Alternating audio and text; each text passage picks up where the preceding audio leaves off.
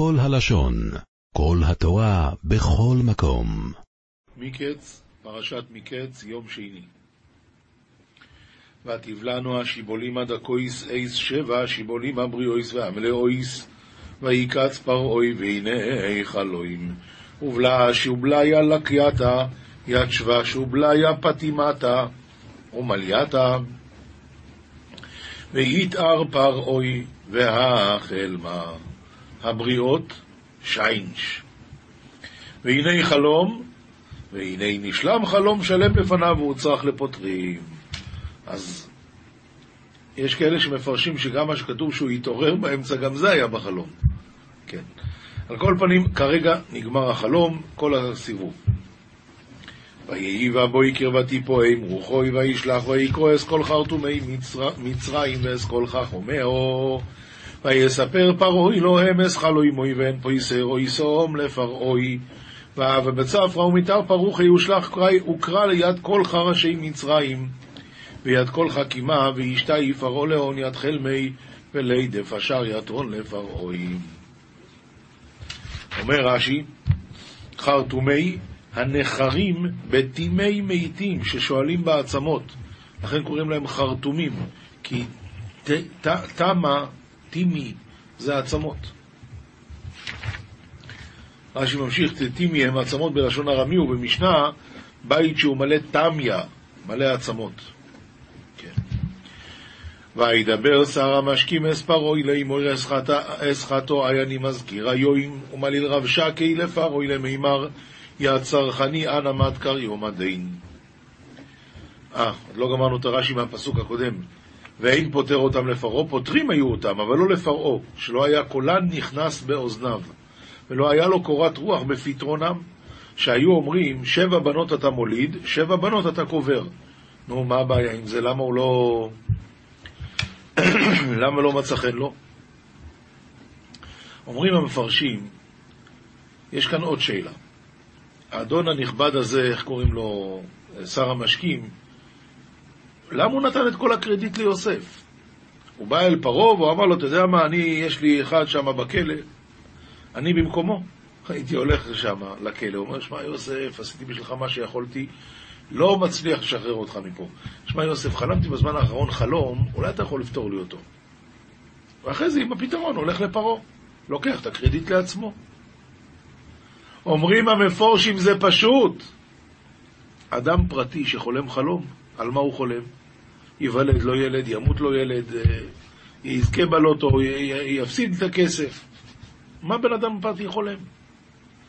אבל מנהיג של עולם, הוא חולם על פצצות אטום, הוא חולם על, על מלחמות עולם, הוא, יש לו בעיות שהורגות אותו. פרעה חלם, אבל פרעה היה המלך של כל העולם. אז כשהוא חלם, ובאו, אמרו לו, חלמת על שבע בנות, אמר, תלכו מפה, איזה שטויות אתם מדברים. זה לא מדבר אליי, זה לא מה שאני חולם. ממילא אותו הסיבה, שר המשקים לא יכל לקחת את הקרדיט לעצמו, כי אם הוא היה הולך ליוסף ומספר לו שזה מה שהוא חלם, יוסף היה פותר לו שבע בנות. אבל ברגע שמלך מצרים הוא החולם, אז הבין יוסף שהחלום, הפתרון צריך להיות לגבי משהו שנוגע לכל העולם. וזה, הפתרון הוא רעב ושבע שיהיה במצרים.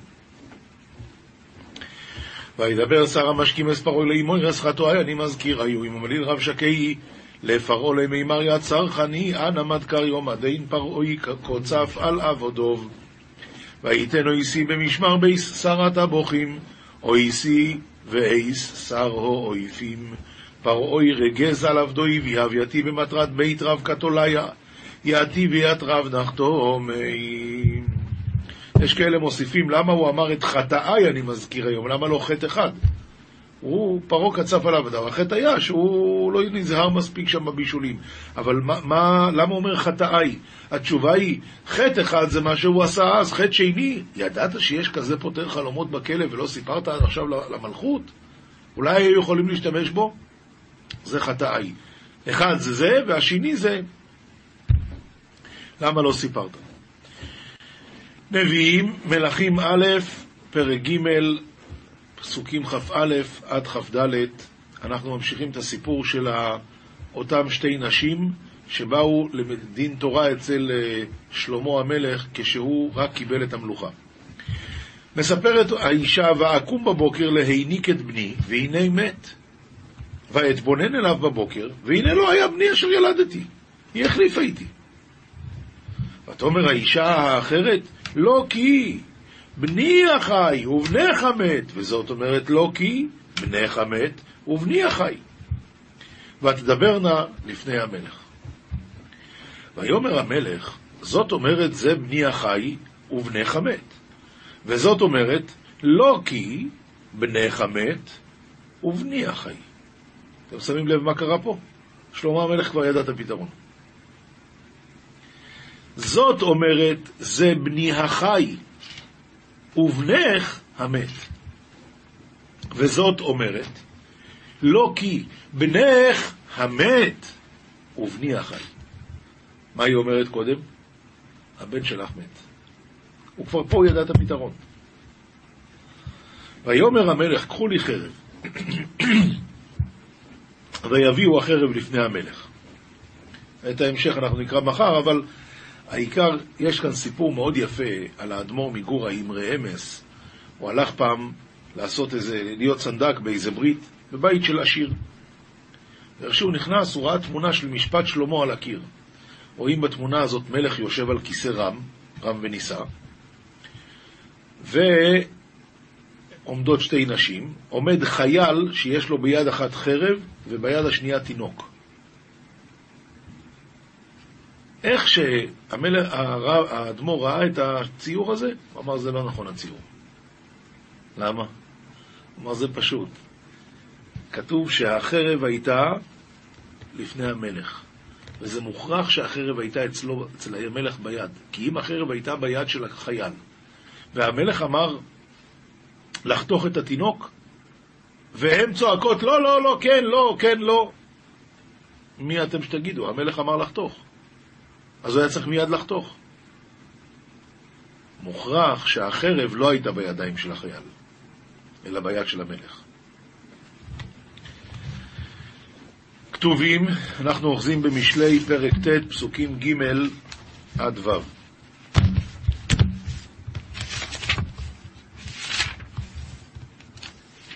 שלחה נערותיה תקרא על גפי מרומי כרת.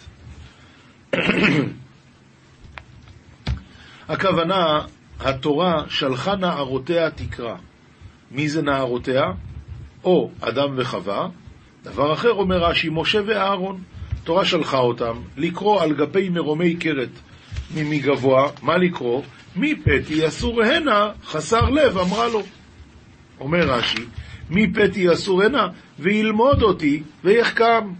אפילו האדם שהוא פתי, אם הוא לומד תורה, התורה מחכימה אותו, שנאמר, תורת השם תמימה משיבת נפש, עדות השם נאמנה מחכימת, פתי. לכו לחמו בלחמי ושתו ביין, ביין מסכתי. מה זה? ביין שמזגתי. עזבו פתאים ויחיו וישרו בדרך בינה. אומר רש"י, עזבו פתאים וחיו, עזבו את דרך הפתיות. ואשרו, לשון פעם, כמו באשורו אחזה רגלי. פעם מלשון פעם, פעם, פעמי בת נדיב, פסיעות. אם כן, התורה קוראת לכולם לבוא ללמוד אותה, ועל ידי זה להתחכם, להיות יותר חכמים, וזה דבר פשוט. אנחנו עוברים ללמוד משנה, מסכת שבת, פרק י', משנה המצניע זרע לדוגמה ולרפואה והוציאו בשבת. אנחנו יודעים, זה כבר שני פרקים שאנחנו לומדים על שיעורים של כל דבר, כמה ממנו צריך להוציא בשבת כדי להתחייב. עכשיו, למדנו עוד משהו. אם בן אדם מסוים, אצלו כל פרט כאן הוא חשוב, עד כדי כך שהוא מצניע אותו, אז אצלו הוא החשיב את זה, ואפילו גרגיר אחד, על ידי זה הוא מתחייב במלאכת הוצאה. לכן, המצניע לזרע, הוא מצניע גרגיר אחד בשביל לזרוע, או לדוגמה, או לרפואה, והוציאו בשבת, חייב בכלשהו. וכל אדם אין חייב עליו אלא כשיעורו. כל אדם, מתי מתחייב? רק כשיעור, כמו שאמרנו, כל דבר ודבר לפי השיעור. חזר והכניסו, אינו חייב עליו אלא כשיעורו. למה? כיוון שאתה רואה שהוא חזר בו. הרי למה הוא הצניע את זה? כדי שהוא יוכל להראות את זה בשבת. הוא לקח, אחרי זה הוא הכניס חזרה, זאת אומרת שהוא חזר בו מההצנעה, מזה שהוא נתן לזה חשיבות. ממילא הוא התחייב רק על ידי שיעור מסוים, כמו שכל השיעורים של מלאכת הוצאה. משנה ב' המוציא אוכלין ונתנן על האיסקופה, האיסקופה זה מפתן הבית. עכשיו, המפתן עצמו יש לו דין של כרמלית. הוא לא רשות היחיד והוא לא רשות הרבים. אז אם הוא שם את זה על האיסקופה, יוצא שהוא לא עשה מלאכת הוצאה, כי מלאכת הוצאה זה עקירה מרשות היחיד והנחה ברשות הרבים. כאן הוא לא עשה את המלאכה הזאת, כי הוא שם את זה על האיסקופה, בכרמלית. לכן, בין שחזר אחרי זה והוציאן לרשות הרבים, בין שהוציאן אחר, בכל מקרה פטור, מפני שלא עשה מלאכתו בבת אחת. אין כאן עקירה מרשות היחיד והנחה ברשות הרבים. קופה, שהיא מלאה פירות גדולים, כמו מלפפונים, קישואים, ונתנה על איסקופה החיצונה, ואז חלק מהפירות כבר נמצאים ממש ברשות הרבים. אבל, כיוון שהפירות הם ארוכים ושלימים, אז חלק מהפירות עדיין בפנים, אז זה לא נקרא הוצאה. אף על פי שרוב הפירות מבחוץ פטור עד שיוציא את כל הקופה. ממשיך על זה רבינו עובדיה מברטנורה ואומר, אבל מלאה חרדל, שאז כל גרגיר וגרגיר הוא קטנצ'יק, באמת אם ככה את החרדלים האלה שיהיה בחוץ הוא כבר הוציא. ממילא, הרי יש הרבה ממנו כולו מבחוץ, ונעשה כמי שהוציא את כל הקופה וחייב. משנה ג' המוציא, איך צריכים להוציא? אם אני אוציא על האף, אם אני אוציא על הראש, אם אני אוציא ביד, אם אני אוציא בבית השחי, זה נקרא הוצאה כדרכה, לא כדרכה, איך זה עובד? המוציא, בין בימינו, בין בשמאלו, בתוך חיקו או על כתפו, חייב. שכן מסע בני קהת, ככה הם לקחו, בכתף יישאו. אבל, מה הדין אם הוא הוציא בשבת מרשות לרשות, כי לאחר ידו, כאן, או ברגלו, או בפיו, במרפקו, באוזנו, בשערו, בפונדתו, ופיה למטה. הפונדתו זה חגורה חלולה. בין פונדתו לחלוקו, בין החגורה לחלוק, או בשפת חלוקו, במנהלו, בסנדלו. כל הדברים האלה פטור, שלא הוציא כדרך המוציא. אז מובן מאליו שאסור לעשות את זה. אבל המלאכה הזאת נחשבת מלאכת הוצאה מדי רבנן, ולא חייב על זה חטאת. המתכוון, משנה ד', המתכוון להוציא לפניו, ובא לו לאחריו. זה הלך אחורה, מאחורי הגב. עכשיו, כמובן שכאן זה נשמר יותר חזק מאשר שנשמר בגב, כי בגב אני לא רואה מה שנעשה ומישהו יכול לקחת. לכן, המתכוון להוציא לפניו ובא לו לאחריו, פטור. למה? כי, הש... כי זה פחות טוב. אבל אם הוא התכוון להוציא לאחריו ובא לו לפניו, אז חייב, כי זה ודאי טוב. אז ממילא המלאכת הוצאה התקיימה. באמת, אמרו האישה החוגרת בסינר בין מלפניה בין מלאחריה, חייבת. למה? שכן ראוי להיות חוזר, כי היא יודעת שתמיד זה מסתובב לה. אז ממילא, מה זה משנה? רבי יהודה אומר, אף מקבלי פתקין, שהוא לוקח שדרים מהמלך והוא רץ מהר. אז כשהוא רץ מהר, תמיד זה הולך גם אחורה. אז רבי יהודה אומר, אף מקבלי פתקין, הוא יודע שזה ילך אחורה, אבל אין הלכה כרבי יהודה. משנה ה' המוציא כיכר לרשות הרבים, חייב. הוציאו שניים, פטורים. למה? כי כל אחד היה יכול לעשות את זה לבד, ושניים שעשו את המלאכה שכל אחד מהם יכל לעשות לבד, פטורים. לא יכול אחד להוציאו והוציאו שניים. למה? מדובר על כיכר ענק. או כבד, לא יודע. בכל אופן, אם כל אחד לא יכול לעשות לבד, אז שניהם חייבים. ורבי שמעון פותר גם אם כל אחד לא יכול לעשות לבד, כי רבי שמעון סובר שאפילו אין אחד יכול לעשות לבד, שניים שעשו את המלאכה בכל מקרה פטורים.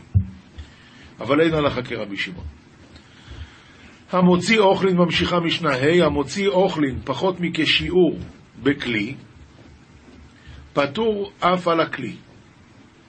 על האוכל הוא פטור כי זה פחות מכשיעור, על הכלי הוא פטור, למה? כי הכלי הוא תפילה לו. הכלי הוא רק בא לשמש את האוכל הזה, אז הוא פטור.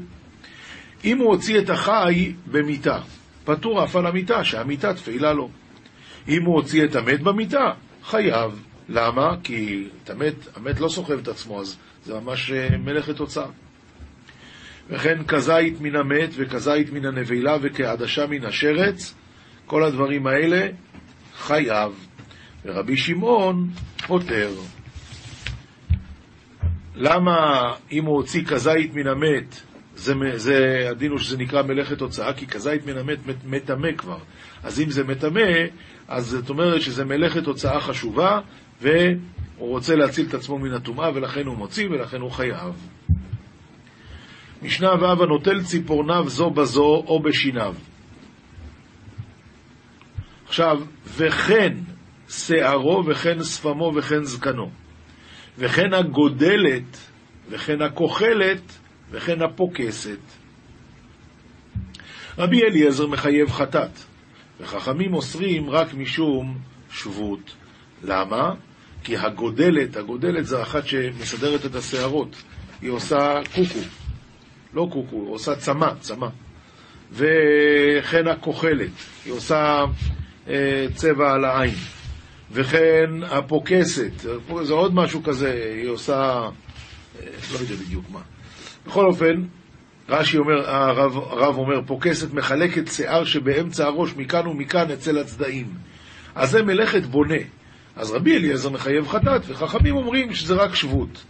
כל זה כמובן לגבי העניין של גודלת, כוחלת, פוקסת. אבל, אומר רבינו עובדיה מברטנורה, אבל הנוטל שערו או ציפורניו בכלי, מודים חכמים דחייב חטאת.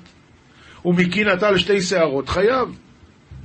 והנוטל שיער ראש חברו, אפילו ביד, חייב.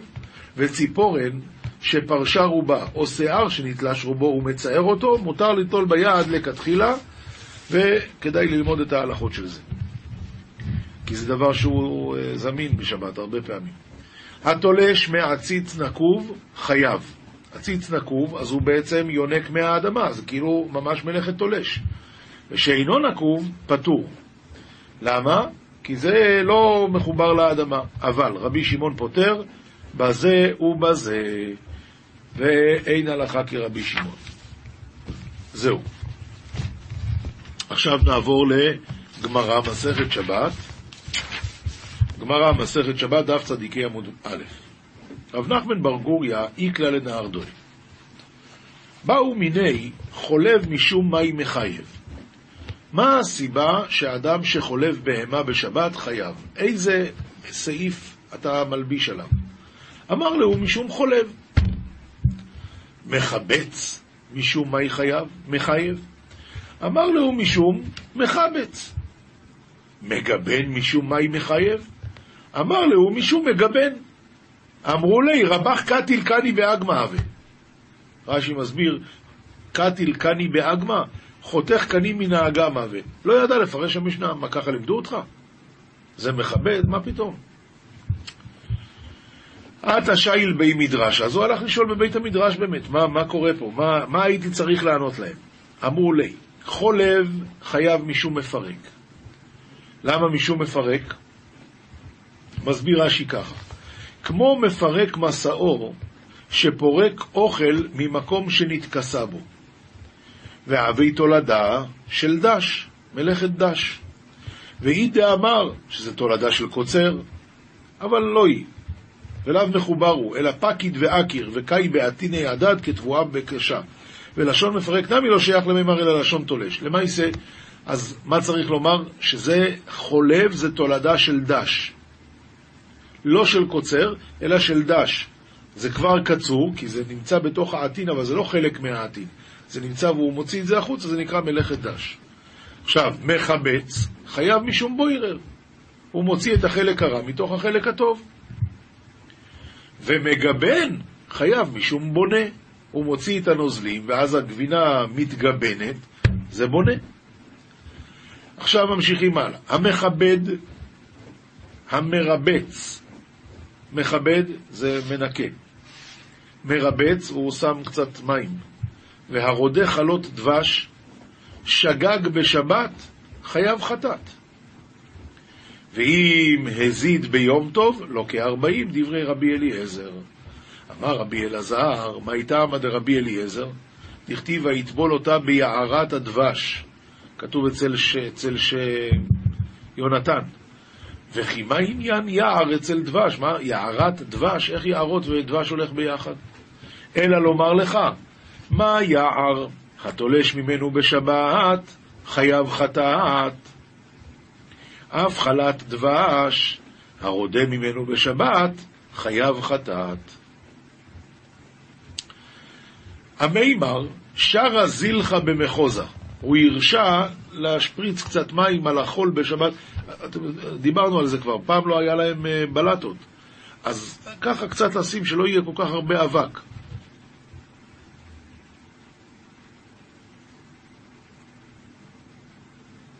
המימר שרה זילחה במחוזה. או, סליחה, סליחה, סליחה. זילחה, אומר רש"י, לרבץ הבית, ורצפת אבנים הייתה בכל העיר. לא כמו שאני אמרתי, ורצפת אבנים הייתה בכל העיר. עומר, תמה מאי אמו רבונון, למה רבונון לא הרשו לעשות את זה דילמה עטילה שבויי גומות? זה כשמדובר על חול, אז, אז לא הרשו לעשות את זה, שמא הוא יבוא להשוות גומות. אבל הכה ליקה גומות, כי זה הרי בית עם, עם בלטות. רובד תוספה אשכחי לרבינה דקה מצטער מהבלה. הוא ראה שהיה אבק ומפריע לו לנשום. ואמרי לה, מרגשישא ברי דרבא אשכחי לרב אשי דקה מצטער מהבלה. הוא אמר לי, לא סבר למר לעד דתניא, הרוצה לרבץ את ביתו בשבת, מביא עריבה מלאה מים ורוחץ פניו בזווית זו, ידיו בזווית זו ורגליו בזווית זו, ונמצא הבית מתרבץ מאליו? זאת אומרת, חכמים אסרו לרבץ, אבל זה גזרת חכמים. אבל מה הם כן הרשו? אם ממש זה מפריע לך, אז קח קערת מים, ותרחוץ פנים בפינה הזאת, אחר כך תרחוץ ידיים בפינה הזאת, אחר כך תרחוץ את הרגליים. בצורה כזאת אתה מרבץ בלי לרבץ, בלי לקרוא לזה ריבוץ. זה חכמים ירשו. אמר לי, לאו הדעתי. זאת אומרת, לא זכרתי את זה. יש פירוש אחר, אני לא סובר כמותה. תנא, אישה חכמה מרבצת ביתה בשבת. אם היא אשת תלמיד חכם, או שהיא בת של תלמיד חכם, אז הדין הוא שהיא עושה, כמו שאמרנו, את הפטנט הזה. רוחצת ידיים פה, רוחצת רגליים שם. והעידנא דסבירא לן כרבי שמעון, אז שריה אפילו לכתחילה. שמה? שרבי שמעון סובר שהדבר שאינו מתכוון מותר, והרי המרבץ, הוא לא מתכוון לעשות כאן, אה, להדביק את האפר, להשוות גומות, הוא רק רוצה שלא יהיה אבק, אז ממילא שריה אפילו לכתחילה. מיקץ דף קצ"ק ווב, עמוד ב', זוהר. כאן הזוהר קצת גבוה היום. אנחנו נקרא, נסביר מה שנסביר, נבין נבין, לא נבין, אז אולי בעולם הבא נזכה שיסבירו לנו. פתח רבי שמעון ואמר, כתיב ראה חיים עם האישה אשר אהבת. תוך חזי, היקרא ברזה עילה האי הוא. בוא תראה, הפסוק הזה מדבר על דברים גבוהים, סוד עליון. והוקמוה, וכבר הסבירו את זה.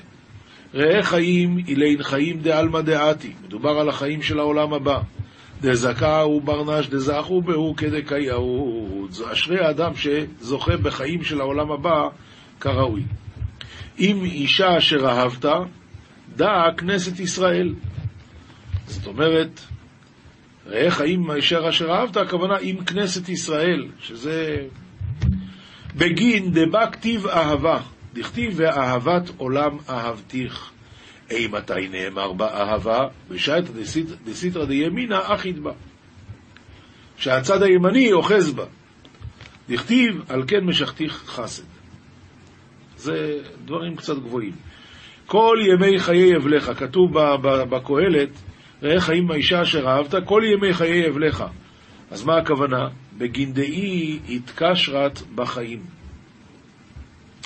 השכינה נקראת הבל כי היא קשורה בחיים, והיא עולם דחאין שריין בה. וזה העולם, ואז היא עולם שהחיים שוכנים בו. דהעלמא דא לה שריין בי חיים.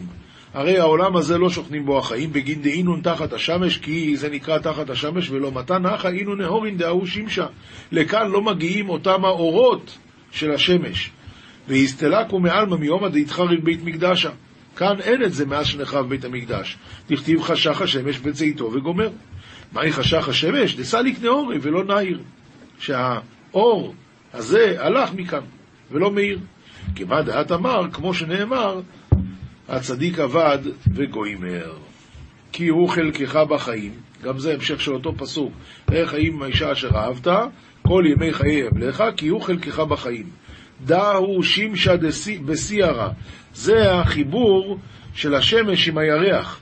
ובאינן למי על סיירה בשמשה ושמשה בסיירה דלא להפרש אלון. אני לא מבין את זה, אז אני קורא מהר.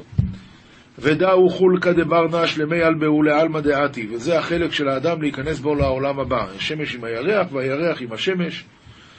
מה כתיב בתרי? כל אשר תמצא ידך לעשות בכוחך עשה, כי אין מעשה בחשבון ודעת וחוכמה בשאול אשר אתה הולך שמה. הפסוק הזה, היקרא, אית להסתכל בי, צריכים להתבונן.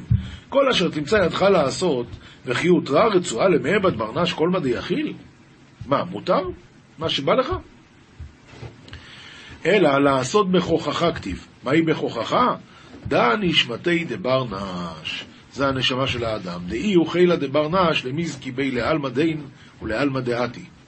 שהוא כוחו של האדם לזכות בו לעולם הזה ולעולם הבא. דבר אחר בכוחך דא היא אישה דקאמרן. זה האישה שאמרנו, הכוונה כנסת ישראל. דאי חילה לי תקפה בי בעלמא דין ובעלמא דעתי. היא כוחו של האדם להתחזק בו בעולם הזה ובעולם הבא, ובאי ברנש למזקי בה בהאי עלמא בהאי חילה בגינדי תקף בה בהאו עלמא. צריך האדם לזכות בזה העולם, בכוח הזה, בשביל שיתחזק בה בעולם הבא. מה היא טעמה? למה צריך. להתחזק בזה בעולם הזה? בגין דלבטר דאיפוק ברנש מהי עלמא, לית בי חילה למעבד מידי. בעולם הבא אי אפשר לעשות כלום, אין לך אפשרות לקיים מצוות, ולומר, האשתא מכאן ולהלאה אעביד עובדין תבין. אתה לא יכול להגיד, טוב, מעכשיו אני אעשה דברים טובים. אין, מה שעשית, עשית בעולם הזה. דוודאי אין מעשה וחשבון ודעת וחוכמה בשאול אשר, אשר וגוימר, כי לא זכי, אי לא זכי ברנש בהאי עלמא, לא יזכי בי לבטר בהוא עלמא. אין אפשרות אחר כך לעשות משהו. והוקמו המן דלא עדקין זיבדין למח מהי עלמא, ואמרו שצריכים להכין צידה לדרך, ומי שלא יכין צידה לדרך, לה יאכול בהוא עלמא, הוא לא יוכל לאכול. זה מה שחז"ל אמרו, מי שטרח בערב שבת יאכל בשבת, שבת זה העולם הבא. ומי שלא טרח בערב שבת, מה יאכל בשבת? ואית עובדין תבין דאביד ברנש בהאי עלמא דייכול מניו האחה וכולה ישתהר לעלמא דעתי ולאית זנה מניו. ויש מעשים שאדם עושה בעולם הזה, הוא אוכל את הפירות שלהם, והקרן נשארת לו לעולם הבא. תוך חזי, יויסף זכה בהאי עלמא וזכה בעלמא דעתי. הנה למשל יוסף הצדיק, זכה גם בעולם הזה וגם בעולם הבא. בגין דבאי להתאחדה באישה יראת השם, כי הוא רצה להתאחז באישה יראת השם, שזה מידת המלכות, כמו דעת אמר, וחטאתי לאלוקים, אלוקים זה מידת המלכות.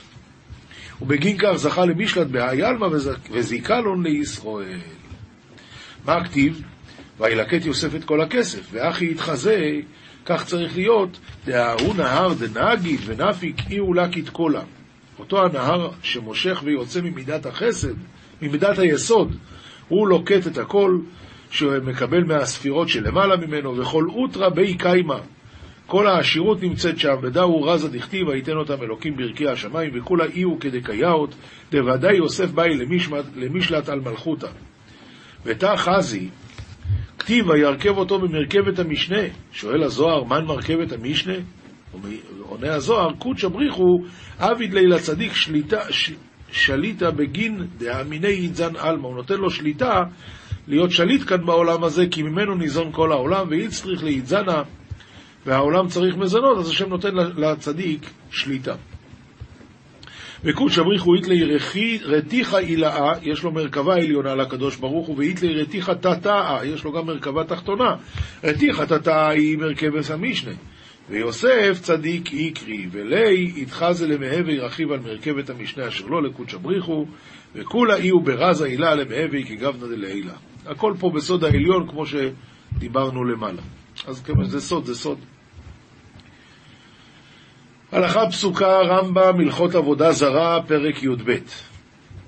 כאן הרמב"ם מדבר על עניינים שאסור לעשות מצד לא תקיפו פאת ראשכם. אין מגלחים פאת הראש כמו שהיו עושים עובדי גילולים, שנאמר לא תקיפו פאת ראשכם, וחייב על כל פאה ופאה. לפיכך, המגלח שני צדעיו, אפילו בבת אחת, והתראה אחת, לוקה שתיים. כי כל פאה ופאה זה איסור בפני עצמו. אחד המגלח הפאות בלבד ומניח שיער כל הראש, ואחד המגלח כל הראש כאחד, בכל מקרה לוקה, הואיל וגילח את הפאות. במה דבורים אמורים באיש המגלח? אבל איש המתגלח אינו לוקה, אלא אם כן סייע למגלח, הוא הזיז את הראש ככה, ככה, אז, אז הוא לוקה. אבל אם הוא לא עשה כלום, רק המגלח, אז המגלח חייב. והמגלח את הקטן, לוקה. הלכה ב' האישה שגילחה פאת ראש האיש, או שנתגלחה, פטורה. שנאמר לא תקיפו פאת ראשכם ולא תשחית את פאת זקניך. כל שישנו בבל תשחית, ישנו בבל תקיף. ואישה שאינה בבל תשחית לפי שאין לה זקן, אינה בבל תקיף. לפיכך, העבדים, הואיל ויש להם זקן, אסורים בהקפה. הלכה ג' כל מצוות לא תעשה שבתורה, אחד אנשים ואחד נשים חייבים. חוץ מבל תשחית ובל תקיף, ובל יטמא כהן למתים. כהנת מותר לה להיטמא. וכל מצוות עשה שהיא מזמן לזמן ואינה תדירה, נשים פטורות. חוץ מקידוש היום ואכילת מצה בלילי הפסח, ואכילת הפסח ושחיטתו, והקהל ושמחה, שבכל המצוות האלה, למרות שזה מצוות עשה שהזמן גרמה, נשים חייבות. מוסר מספר חרדים, דף ס"ח עמוד א', כתיב, הנחמדים מזהב ומפז רב. בא להלהיב לב העם, זהב להם הממלאים בתיהם כסף, שבעולם הבא מטבע הזהב והכסף הגשמי בטל. אינו שווה כלום, לכן הזדרזו לזהב ולכסף אשר שם להוליך בידם. שם יש זהב וכסף מסוג אחר. והיינו דאמרו אבותינו זיכרונם לברכה, צדיקים מסגלים תורה ומצוות ומעשים טובים. וכן האוהבי תענוגים, התלהב ליבם לבקש להם תענוג, דכתיב ומתוקים מדבש. אז המצוות זה הזהב והכסף שלוקחים לעולם הבא, ובזה צריכים להשקיע יותר. כתיב, את האלוקים מתהלך נוח, היינו שהיה מתבודד עם יוצרו, ואין לו חברה עם בני אדם. אי נמי, מרוב הרגלו בהתבודדות, אף שהיה בתוך בני אדם, לא היו מטרידים דעתו, כי היו כלו בעיניו. והיינו שאמר המשורר, בעומדי תוך קהליך, צור לרומם לך, לך אכרע ואכוף ראש וקומה. כלומר, ואין חברתם מטרדת אותי להתפרד מחשבתי ממך, כי כל העולם עדרי צאן, והוא יתברך הרואה לבדו ומשגיח על כל פרטי ופרטי. וכל פרטי אין לו להשגיח אלא על הרועה. כן, הרועה משגיח על כולם, אבל כל כבש אכפת לו רק מה שהרועה אומר. כי הכל שווין לפניו ואין יתרון לזה מזה, והיינו דאמר דוד המלך עליו השלום, השם רואי לא אחסר, כי איני חסר כי כולנו שווין. וכמו כן, אם הוא רואה אותי בפרטות כמו לשאר ברואיו. גם כי אלך בגיא צל מוות לא ירא כי אתה עמדי, ואין מי שיוכל להזיקני בלא רשותך. ומי שמכה, היא הרצועה ושבט שהרועה מכה אותי בה. על דרך, הוי אשור שבט אפי. וכתיב, אמר לו, כלל את דוד, ואם כן שבטך ומשענתך, הימה ינחמוני. הוא מתכוון כאן למה שהיה עם דוד בסוף ימיו, כשאבשלום רדף אותו וכולם הלכו עם אבשלום ורק היה לו מעט אנשים שהלכו איתו, אז בא אה, שמעי בן גרה וקילל אותו קללה נמרצת את דוד. אבישי בן צרויה, שהיה אחיין של דוד המלך, אח של יואב, אמר לדוד, למה יקלל הכלב המת הזה את אדוני? אני אעבור ואני אסיר את ראשו מעליו. אמר לו דוד המלך, מה לי ולכם בני צרויה כי יקלל, כי השם אמר לו כלל, ומי יאמר לו מה תעשה. לזה אומר ספר uh, חרדים, גם כי אלך בגיא צל מוות לא יירא רע, כי אתה עמדי, ואין מי שיוכל להזיקני בלא רשותך. ומי שמכה, זה רצועה. זה שבט שהרועה מכה בי. אבל זה הרועה מכה, זה לא הרצועה. לכן גם כתוב, הוי אשור שבט אפי, שאשור, הם אמנם עשו צרות גדולות לעם ישראל, אבל זה לא הם, זה השם. ואותו הדבר, מה שדוד אמר, השם אמר לו, כלל את דוד. אם כן, שבטך ומשענתך, הימה ינחמוני, זה אומר הבעל שם טוב, או שזה בעל התניא אומר, שמה זה שבטך ומשענתך, הימה ינחמוני? זה שאתה עדיין מטפל בי, זה מה שמנחם אותי. יש אחד מגיע לבית חולים והרופא אומר לאשתו, תביאי לו מה הוא אוהב, סיגריות אה, מלבורו אדום, תביאי לו שיעשן. למה? אין לו סיכוי, אז בשביל מה? שיהנה וזהו. השני, הרופא מתחיל לצעוק, תעשה דיאטה, תפסיק לעשן, תפסיק לאכול. מה קרה? אליו הרופא מתאכזר, אבל זה סימן שיש לו סיכוי. ככה גם פה, שבטך ומשענתך, הימה ינחמוני. עולם שלם של תוכן מחכה לך בכל הלשון, 03 617 1111 כל הלשון, כל התורה, בכל מקום. מקץ, פרשת מקץ, יום שני. ותבלענו השיבולים עד הכויס אייס שבע, שיבולים הבריאויס והמלאויס, ויקץ פרעוי והנה היכלוים. ובלע שובליה לקייתה, יד שבש ובליה פטימתה ומלייתה, ויתאר פרעוי והחלמה, הבריאות שיינש. והנה חלום, והנה נשלם חלום שלם לפניו והוא צריך לפותרים.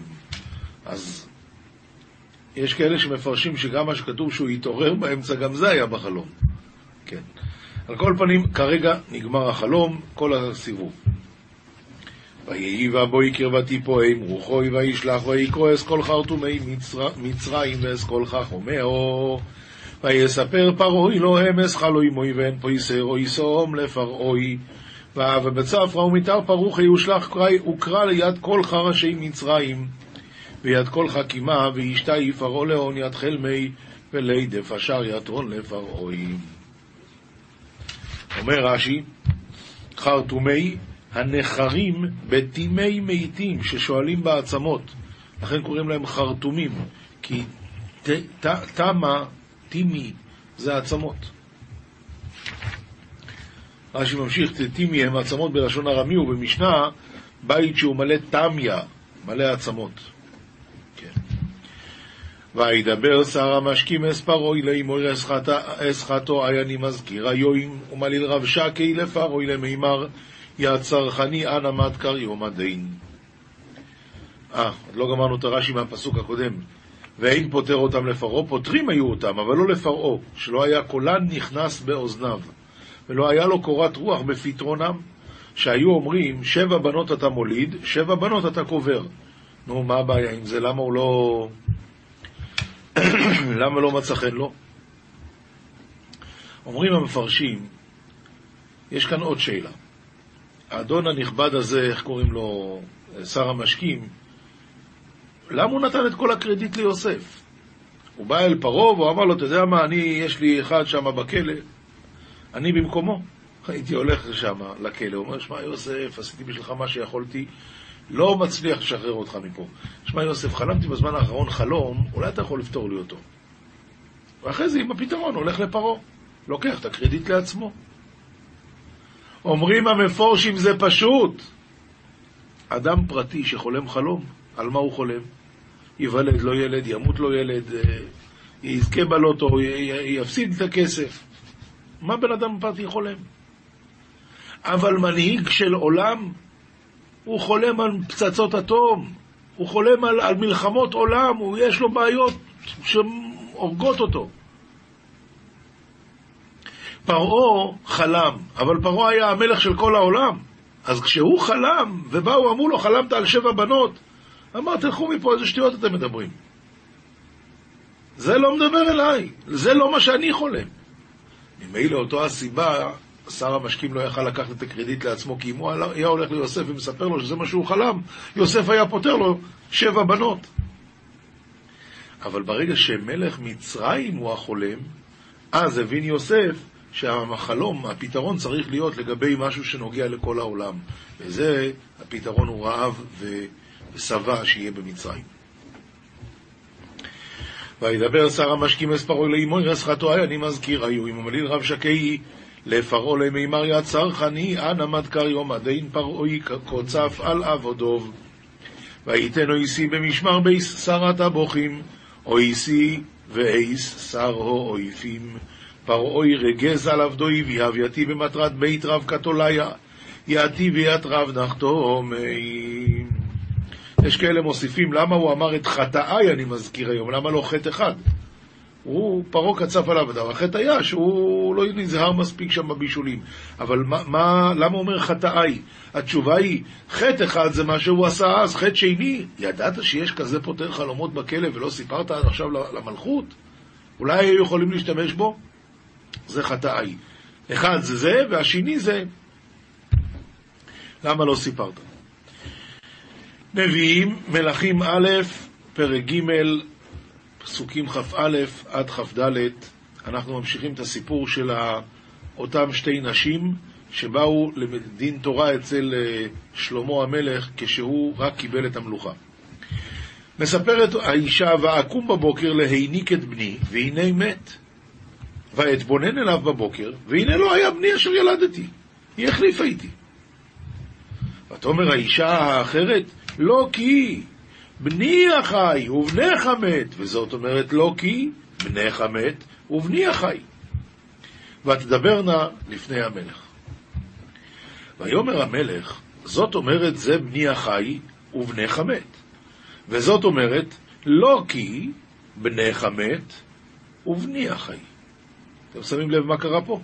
שלמה המלך כבר ידע את הפתרון. זאת אומרת, זה בני החי, ובנך המת. וזאת אומרת, לא כי בנך המת ובני החי. מה היא אומרת קודם? הבן שלך מת. הוא כבר פה ידע את הפתרון. ויאמר המלך, קחו לי חרב, ויביאו החרב לפני המלך. את ההמשך אנחנו נקרא מחר, אבל העיקר, יש כאן סיפור מאוד יפה על האדמו"ר מגור האמרי אמס. הוא הלך פעם לעשות איזה, להיות סנדק באיזה ברית, בבית של עשיר. ואיך שהוא נכנס, הוא ראה תמונה של משפט שלמה על הקיר. רואים בתמונה הזאת מלך יושב על כיסא רם, רם ונישא, ועומדות שתי נשים, עומד חייל שיש לו ביד אחת חרב וביד השנייה תינוק. איך שהאדמו"ר ראה את הציור הזה, הוא אמר, זה לא נכון הציור. למה? הוא אמר, זה פשוט.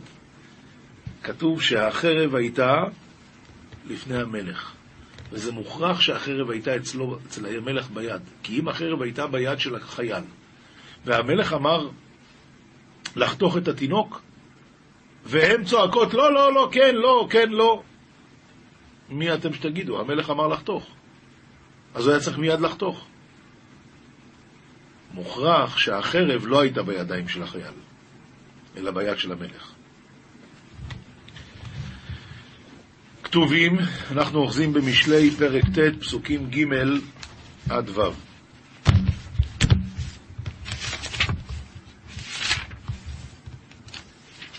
שלחה נערותיה תקרא על גפי מרומי כרת. הכוונה, התורה שלחה נערותיה תקרא. מי זה נערותיה? או אדם וחווה. דבר אחר אומר רש"י, משה ואהרון. תורה שלחה אותם לקרוא על גפי מרומי קרת ממגבוה, מה לקרוא? מי פתי אסור הנה חסר לב, אמרה לו. אומר רש"י, מי פתי אסור הנה וילמוד אותי ויחכם. אפילו האדם שהוא פתי, אם הוא לומד תורה, התורה מחכימה אותו, שנאמר, תורת השם תמימה משיבת נפש, עדות השם נאמנה מחכימת, פתי. לכו לחמו בלחמי ושתו ביין, ביין מסכתי. מה זה? ביין שמזגתי. עזבו פתאים וחיו וישרו בדרך בינה. אומר רש"י, עזבו פתאים וחיו, עזבו את דרך הפתיות. ואשרו, לשון פעם, כמו באשורו אחזה רגלי. פעם מלשון פעם, פעם, פעמי בת נדיב, פסיעות. אם כן, התורה קוראת לכולם לבוא ללמוד אותה, ועל ידי זה להתחכם, להיות יותר חכמים, וזה דבר פשוט. אנחנו עוברים ללמוד משנה, מסכת שבת, פרק י', משנה המצניע זרע לדוגמה ולרפואה והוציאו בשבת. אנחנו יודעים, זה כבר שני פרקים שאנחנו לומדים על שיעורים של כל דבר, כמה ממנו צריך להוציא בשבת כדי להתחייב. עכשיו, למדנו עוד משהו.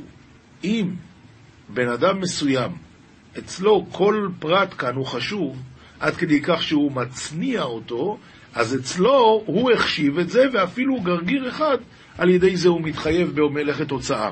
לכן, המצניע לזרע, הוא מצניע גרגיר אחד בשביל לזרוע, או לדוגמה, או לרפואה, והוציאו בשבת, חייב בכלשהו. וכל אדם אין חייב עליו אלא כשיעורו. כל אדם, מתי מתחייב? רק כשיעור, כמו שאמרנו, כל דבר ודבר לפי השיעור. חזר והכניסו, אינו חייב עליו אלא כשיעורו. למה? כיוון שאתה רואה שהוא חזר בו. הרי למה הוא הצניע את זה? כדי שהוא יוכל להראות את זה בשבת. הוא לקח, אחרי זה הוא הכניס חזרה. זאת אומרת שהוא חזר בו מההצנעה, מזה שהוא נתן לזה חשיבות. ממילא הוא התחייב רק על ידי שיעור מסוים, כמו שכל השיעורים של מלאכת הוצאה. משנה ב' המוציא אוכלין ונתנן על האיסקופה. האיסקופה זה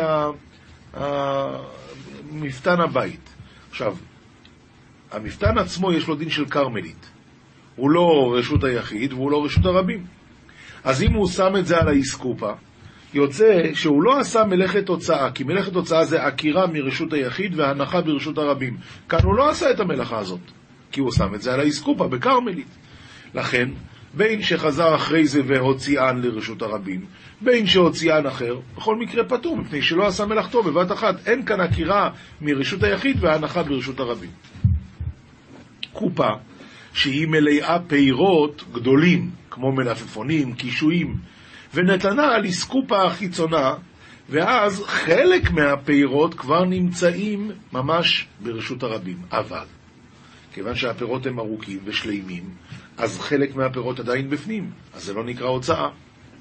אף על פי שרוב הפירות מבחוץ פטור עד שיוציא את כל הקופה. ממשיך על זה רבינו עובדיה מברטנורה ואומר, אבל מלאה חרדל, שאז כל גרגיר וגרגיר הוא קטנצ'יק, באמת אם ככה את החרדלים האלה שיהיה בחוץ הוא כבר הוציא. ממילא, הרי יש הרבה ממנו כולו מבחוץ, ונעשה כמי שהוציא את כל הקופה וחייב. משנה ג' המוציא, איך צריכים להוציא? אם אני אוציא על האף, אם אני אוציא על הראש, אם אני אוציא ביד, אם אני אוציא בבית השחי, זה נקרא הוצאה כדרכה, לא כדרכה, איך זה עובד? המוציא, בין בימינו, בין בשמאלו, בתוך חיקו או על כתפו, חייב. שכן מסע בני קהת, ככה הם לקחו, בכתף יישאו. אבל, מה הדין אם הוא הוציא בשבת מרשות לרשות, כי לאחר ידו, כאן, או ברגלו, או בפיו, במרפקו, באוזנו, בשערו, בפונדתו, ופיה למטה. הפונדתו זה חגורה חלולה. בין פונדתו לחלוקו, בין החגורה לחלוק, או בשפת חלוקו, במנהלו, בסנדלו, כל הדברים האלה פטור, שלא הוציא כדרך המוציא. אז מובן מאליו שאסור לעשות את זה. אבל המלאכה הזאת נחשבת מלאכת הוצאה מדי רבנן, ולא חייב על זה חטאת. המתכוון, משנה ד', המתכוון להוציא לפניו, ובא לו לאחריו. זה הלך אחורה, מאחורי הגב. עכשיו, כמובן שכאן זה נשמר יותר חזק מאשר שנשמר בגב, כי בגב אני לא רואה מה שנעשה ומישהו יכול לקחת. לכן, המתכוון להוציא לפניו ובא לו לאחריו, פטור. למה? כי, הש... כי זה פחות טוב. אבל אם הוא התכוון להוציא לאחריו ובא לו לפניו, אז חייב, כי זה ודאי טוב. אז ממילא המלאכת הוצאה התקיימה. באמת, אמרו האישה החוגרת בסינר בין מלפניה בין מלאחריה, חייבת. למה? שכן ראוי להיות חוזר, כי היא יודעת שתמיד זה מסתובב לה. אז ממילא, מה זה משנה? רבי יהודה אומר, אף מקבלי פתקין, שהוא לוקח שדרים מהמלך והוא רץ מהר. אז כשהוא רץ מהר, תמיד זה הולך גם אחורה. אז רבי יהודה אומר, אף מקבלי פתקין, הוא יודע שזה ילך אחורה, אבל אין הלכה כרבי יהודה. משנה ה' המוציא כיכר לרשות הרבים, חייב. הוציאו שניים, פטורים. למה? כי כל אחד היה יכול לעשות את זה לבד, ושניים שעשו את המלאכה שכל אחד מהם יכל לעשות לבד, פטורים. לא יכול אחד להוציאו והוציאו שניים. למה? מדובר על כיכר ענק. או כבד, לא יודע. בכל אופן, אם כל אחד לא יכול לעשות לבד, אז שניהם חייבים. ורבי שמעון פותר גם אם כל אחד לא יכול לעשות לבד, כי רבי שמעון סובר שאפילו אין אחד יכול לעשות לבד, שניים שעשו את המלאכה בכל מקרה פטורים. אבל אין הלכה כרבי שמעון. המוציא אוכלין ממשיכה משנה ה', המוציא אוכלין פחות מכשיעור בכלי, פטור אף על הכלי. על האוכל הוא פטור כי זה פחות מכשיעור, על הכלי הוא פטור למה? כי הכלי הוא תפילה לא. הכלי הוא רק בא לשמש את האוכל הזה, אז הוא פטור. אם הוא הוציא את החי במיטה, פטור אף על המיטה, שהמיטה תפילה לו. אם הוא הוציא את המת במיטה, חייב. למה? כי את המת, המת לא סוחב את עצמו, אז זה ממש אה, מלאכת הוצאה. וכן כזית מן המת וכזית מן הנבלה וכעדשה מן השרץ, כל הדברים האלה חייב. ורבי שמעון פוטר. למה אם הוא הוציא כזית מן המת, זה, זה, הדין הוא שזה נקרא מלאכת הוצאה, כי כזית מן המת מטמא כבר. אז אם זה מטמא, אז זאת אומרת שזה מלאכת הוצאה חשובה, והוא רוצה להציל את עצמו מן הטומאה, ולכן הוא מוציא, ולכן הוא חייב. משנה ו' הנוטל ציפורניו זו בזו או בשיניו. עכשיו, וכן שערו וכן שפמו וכן זקנו, וכן הגודלת וכן הכוחלת וכן הפוקסת. רבי אליעזר מחייב חטאת, וחכמים אוסרים רק משום שבות. למה? כי הגודלת, הגודלת זה אחת שמסדרת את השערות, היא עושה קוקו, לא קוקו, עושה צמא, צמא. וכן הכוחלת, היא עושה אה, צבע על העין. וכן הפוקסת, זה עוד משהו כזה, היא עושה, אה, לא יודע בדיוק מה. בכל אופן, רש"י אומר, הרב, הרב אומר, פוקסת מחלקת שיער שבאמצע הראש מכאן ומכאן אצל הצדעים. אז זה מלאכת בונה.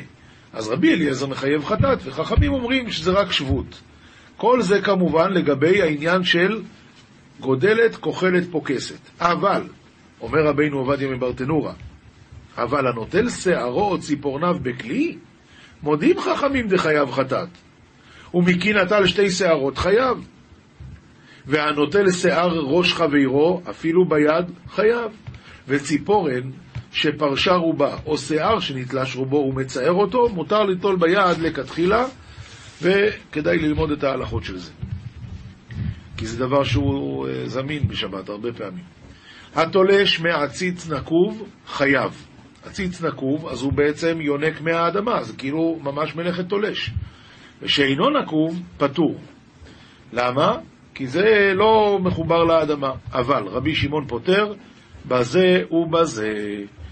ואין הלכה כרבי שמעון. זהו. עכשיו נעבור לגמרא, מסכת שבת. גמרא, מסכת שבת, דף צדיקי עמוד א'. רב נחמן בר גוריה איקלה לנהר דוי. באו מיני חולב משום מים מחייב. מה הסיבה שאדם שחולב בהמה בשבת חייב? איזה סעיף אתה מלביש עליו? אמר לו, משום חולב. מחבץ משום מי חייב? מחייב. אמר לו, משום מחבץ. מגבן משום מי מחייב? אמר לו, משום מגבן. אמרו לי, רבח קטיל קני באגמא הווה. רש"י מסביר, קטיל קני באגמא, חותך קנים מן האגם הווה. לא ידע לפרש המשנה, מה ככה לימדו אותך? זה מכבד? מה פתאום? עתה שייל בי מדרש, אז הוא הלך לשאול בבית המדרש באמת, מה, מה קורה פה? מה, מה הייתי צריך לענות להם? אמרו לי, חולב חייב משום מפרק.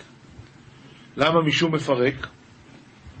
מסביר רש"י ככה, כמו מפרק מסעור שפורק אוכל ממקום שנתכסה בו, ואבי תולדה של דש, מלאכת דש. ואי דאמר שזה תולדה של קוצר, אבל לא היא. ולאו מחובר הוא, אלא פקיד ואקיר, וקאי בעתיני הדד כתבואה בקשה. ולשון מפרק נמי לא שייך למימר אלא לשון תולש. למה יישא? אז מה צריך לומר? שזה חולב, זה תולדה של דש. לא של קוצר, אלא של דש. זה כבר קצור, כי זה נמצא בתוך העתין, אבל זה לא חלק מהעתין. זה נמצא והוא מוציא את זה החוצה, זה נקרא מלאכת דש. עכשיו, מחבץ, חייב משום בוירר. הוא מוציא את החלק הרע מתוך החלק הטוב. ומגבן, חייב משום בונה. הוא מוציא את הנוזלים, ואז הגבינה מתגבנת, זה בונה. עכשיו ממשיכים הלאה. המכבד, המרבץ. מכבד זה מנקה. מרבץ, הוא שם קצת מים. והרודה חלות דבש, שגג בשבת, חייב חטאת. ואם הזיד ביום טוב, לא כארבעים, דברי רבי אליעזר. אמר רבי אלעזר, מה איתם עד רבי אליעזר? דכתיב ויטבול אותה ביערת הדבש. כתוב אצל, ש... אצל ש... יונתן. וכי מה עניין יער אצל דבש? מה, יערת דבש? איך יערות ודבש הולך ביחד? אלא לומר לך, מה יער? התולש ממנו בשבת, חייב חטאת. אף חלת דבש, הרודה ממנו בשבת, חייב חטאת. המימר שרה זילחה במחוזה. הוא הרשה להשפריץ קצת מים על החול בשבת. דיברנו על זה כבר, פעם לא היה להם אה, בלטות.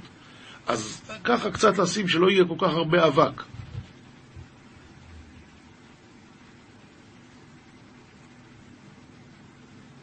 המימר שרה זילחה במחוזה. או, סליחה, סליחה, סליחה. זילחה, אומר רש"י, לרבץ הבית, ורצפת אבנים הייתה בכל העיר. לא כמו שאני אמרתי, ורצפת אבנים הייתה בכל העיר.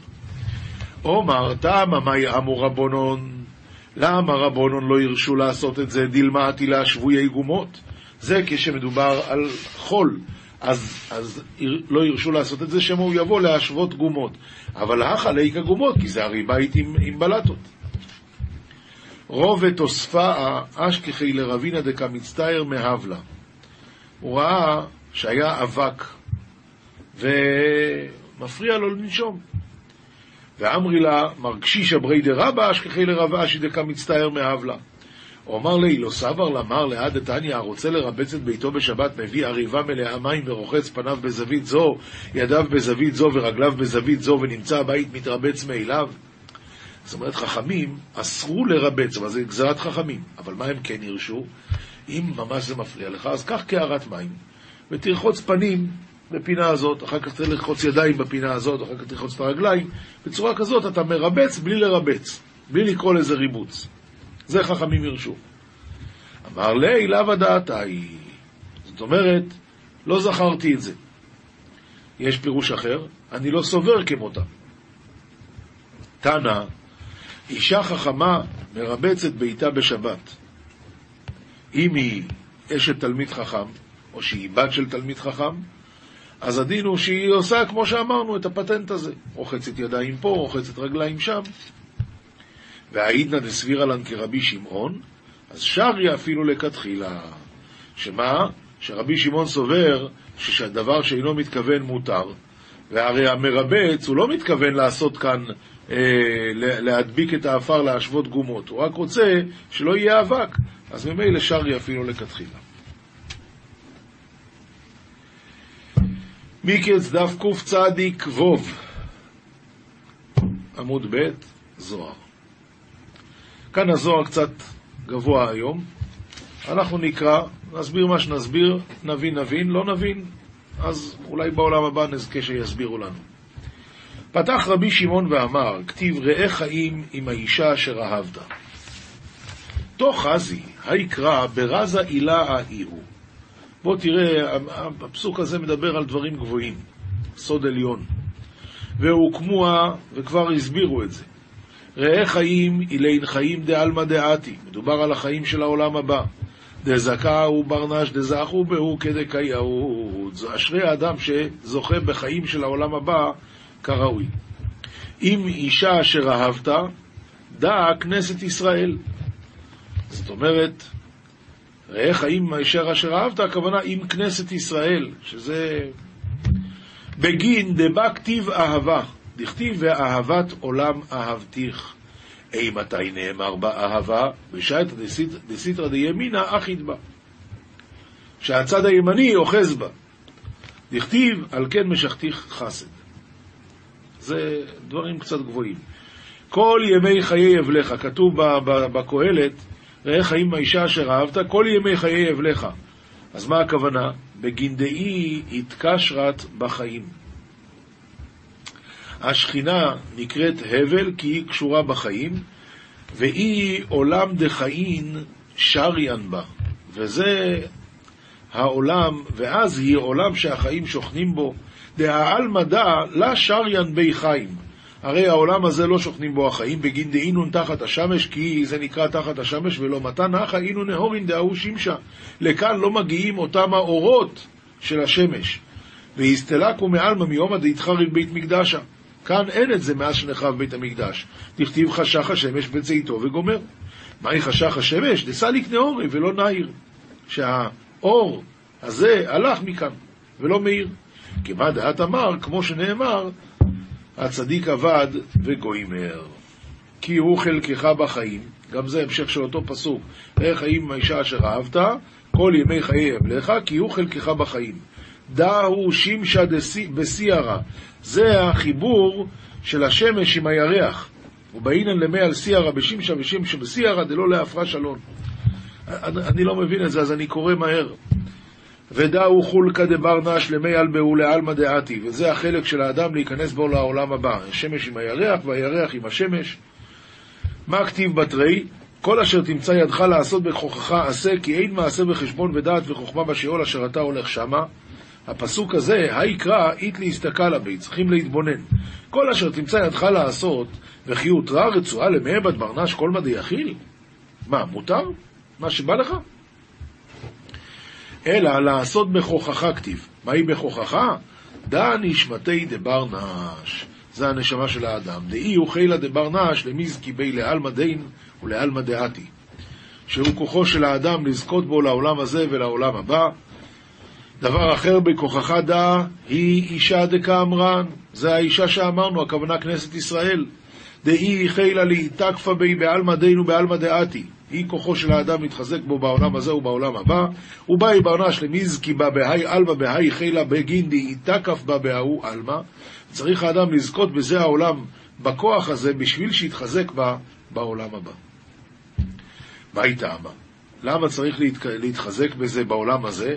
בגין דלבטר דאיפוק ברנש מהי עלמא, לית בי חילה למעבד מידי. בעולם הבא אי אפשר לעשות כלום, אין לך אפשרות לקיים מצוות, ולומר, האשתא מכאן ולהלאה אעביד עובדין תבין. אתה לא יכול להגיד, טוב, מעכשיו אני אעשה דברים טובים. אין, מה שעשית, עשית בעולם הזה. דוודאי אין מעשה וחשבון ודעת וחוכמה בשאול אשר, אשר וגוימר, כי לא זכי, אי לא זכי ברנש בהאי עלמא, לא יזכי בי לבטר בהוא עלמא. אין אפשרות אחר כך לעשות משהו. והוקמו המן דלא עתקין זיבדין למח מהי עלמא, ואמרו שצריכים להכין צידה לדרך, ומי שלא יכין צידה לדרך, לה יאכול בהוא עלמא, הוא לא יוכל לאכול. זה מה שחז"ל אמרו, מי שטרח בערב שבת יאכל בשבת, שבת זה העולם הבא, ומי שלא טרח בערב שבת, מה יאכל בשבת? ואית עובדין תבין דאביד ברנש בהאי עלמא דייכול מניו הכה וכולה ישתהר לעלמא דעתי ולאית זנה מניו. יש מעשים שאדם עושה בעולם הזה, הוא אוכל את הפירות שלהם, והקרן נשארת לו לעולם הבא. תוך חזי, יויסף זכה בהאי עלמא וזכה בעלמא דעתי. הנה למשל יוסף הצדיק, זכה גם בעולם הזה וגם בעולם הבא. בגין דבאי להתאחדה באישה יראת השם, כי הוא רצה להתאחז באישה יראת השם, שזה מידת המלכות, כמו דעת אמר, וחטאתי לאלוקים, אלוקים זה מידת המלכות. ובגין כך זכה למשלט בהאי עלמא וזיכה לו לישראל. מה הכתיב? וילקט יוסף את כל הכסף, ואחי יתחזה, כך צריך להיות, דההוא נהר דנגיד ונפיק אי ולקית קולה. אותו הנהר שמושך ויוצא ממידת החסד, ממידת היסוד, הוא לוקט את הכל, שמקבל מהספירות שלמעלה ממנו, וכל אוטרא בי קיימא. כל העשירות נמצאת שם, ודאו רזה דכתיב, ויתן אותם אלוקים ברכי השמיים, וכולה אי הוא כדקייאות, דוודאי יוסף באי למשלט על מלכותא. ותא חזי, כתיב וירכב אותו במרכבת המשנה. שואל הזוהר, מן מרכבת המשנה? עונה הזוהר, קודשא בריחו, עביד לילה צדיק שליטה, ש, שליטה בגין דאמיני ידזן עלמא. הוא נותן לו שליטה להיות שליט כאן בעולם הזה, כי ממנו ניזון כל העולם, ואיצטריך לידזנה, והעולם צריך מזונות, אז השם נותן לצדיק שליטה. וקודש אבריחו איתלי רתיחה עילאה, יש לו מרכבה עליונה לקדוש ברוך הוא, ואיתלי רתיחה תתאה, יש לו גם מרכבה תחתונה. רתיחה תתאה היא מרכבת המשנה. ויוסף צדיק איקרי, ולי יתחזה למהווה ירחיב על מרכבת המשנה אשר לא לקודש אבריחו, וכולה אי הוא ברזה עילה למהווה כגבנה דלעילה. הכל פה בסוד העליון, כמו שדיברנו למעלה. אז שזה סוד, זה סוד. הלכה פסוקה, רמב"ם, הלכות עבודה זרה, פרק י"ב.